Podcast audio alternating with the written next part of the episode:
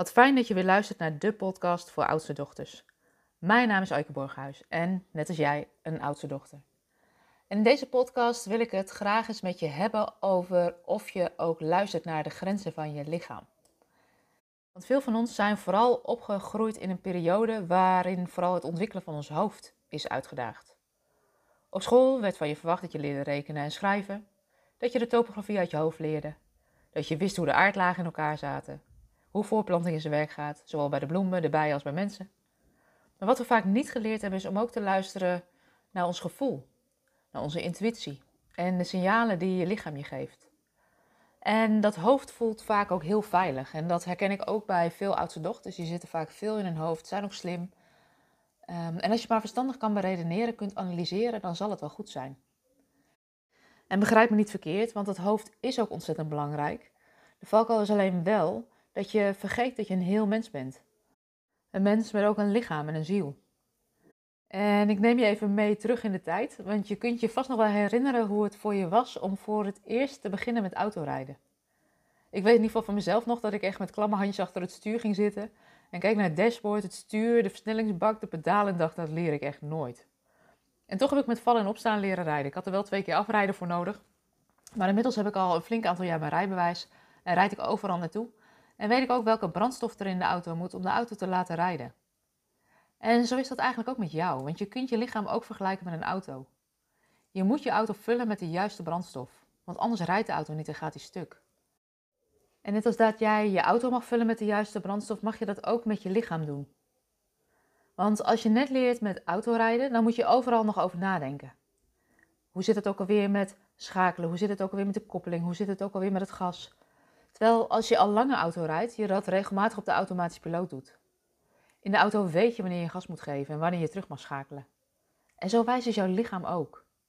Als jij je lichaam bewoont en heel goed verzorgt, kan ze je ook van A naar B brengen. In je auto gaan ook lampjes branden als er iets aan de hand is. Als je je lampen laat branden als je uitstapt, dan krijg je een signaal. Als je hoog in je toeren rijdt, dan brult de motor en weet je dat je mag bijschakelen of het gas mag loslaten. En als je leert luisteren, dan zul je ontdekken dat het met je eigen lichaam niet anders is.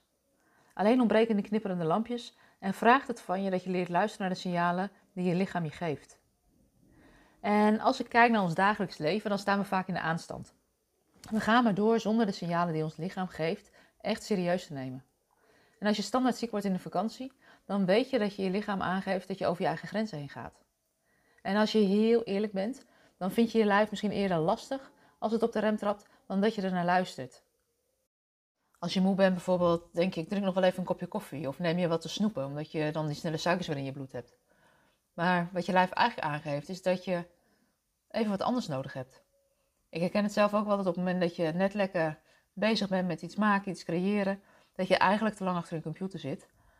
Ja, kun je dan ook luisteren naar de signalen die je schouders en je rug je eigenlijk geven dat het tijd is om in beweging te komen? Of blijf je stug zitten?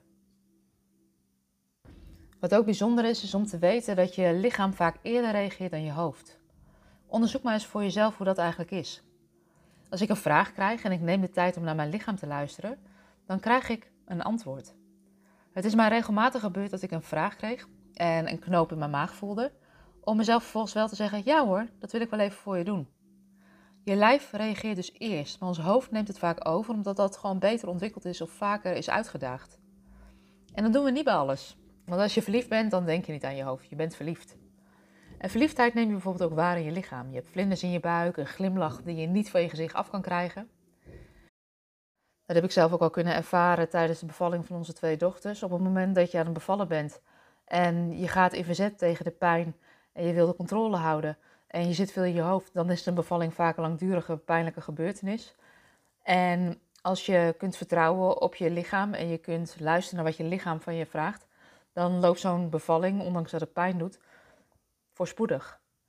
En het bijzondere van dat lijf is dat het een instrument is dat je altijd bij je hebt en dat je in kunt zetten. Je kunt altijd in het hier en nu luisteren naar je lichaam. En dat is ook wel een mooie reminder, want vaak als je in je hoofd zit, ben je met je aandacht in de toekomst of in het verleden, terwijl je lichaam altijd aanwezig is in het hier en nu. Dus je kunt dat ook gebruiken bij het maken van je keuzes. Dus als je voor een belangrijke keus staat, dan zou je bijvoorbeeld jezelf de vraag kunnen stellen: wat opent in mijn lichaam en wat sluit? Zo had ik vorige week een gesprek met een klant die twijfelde over twee opties. En ik vroeg haar om contact te maken met de twee verschillende opties en te ervaren hoe haar lijf reageerde. En bij optie 2 voelde ze haar lijf openen en bij optie 1 nam de spanning toe. En op basis van de combinatie tussen haar lichaam en haar hoofd heeft ze toen de keus gemaakt voor optie 2. En deze week kreeg ik een berichtje van haar. Ik voel me 10 kilo lichter sinds ik de knoop heb doorgehakt. Doet je hoofd dan helemaal niet meer mee? Tuurlijk wel. Je krijgt er alleen een extra instrument bij als je nog meer gaat vertrouwen op je lichaam. Dus ik zou je willen uitnodigen om eens wat vaker aan je lichaam te vragen. Wat is voor mij een goede keus? En ik ben heel benieuwd wat het je oplevert.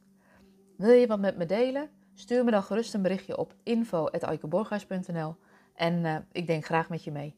Voor nu wens ik je een hele fijne dag en uh, tot snel!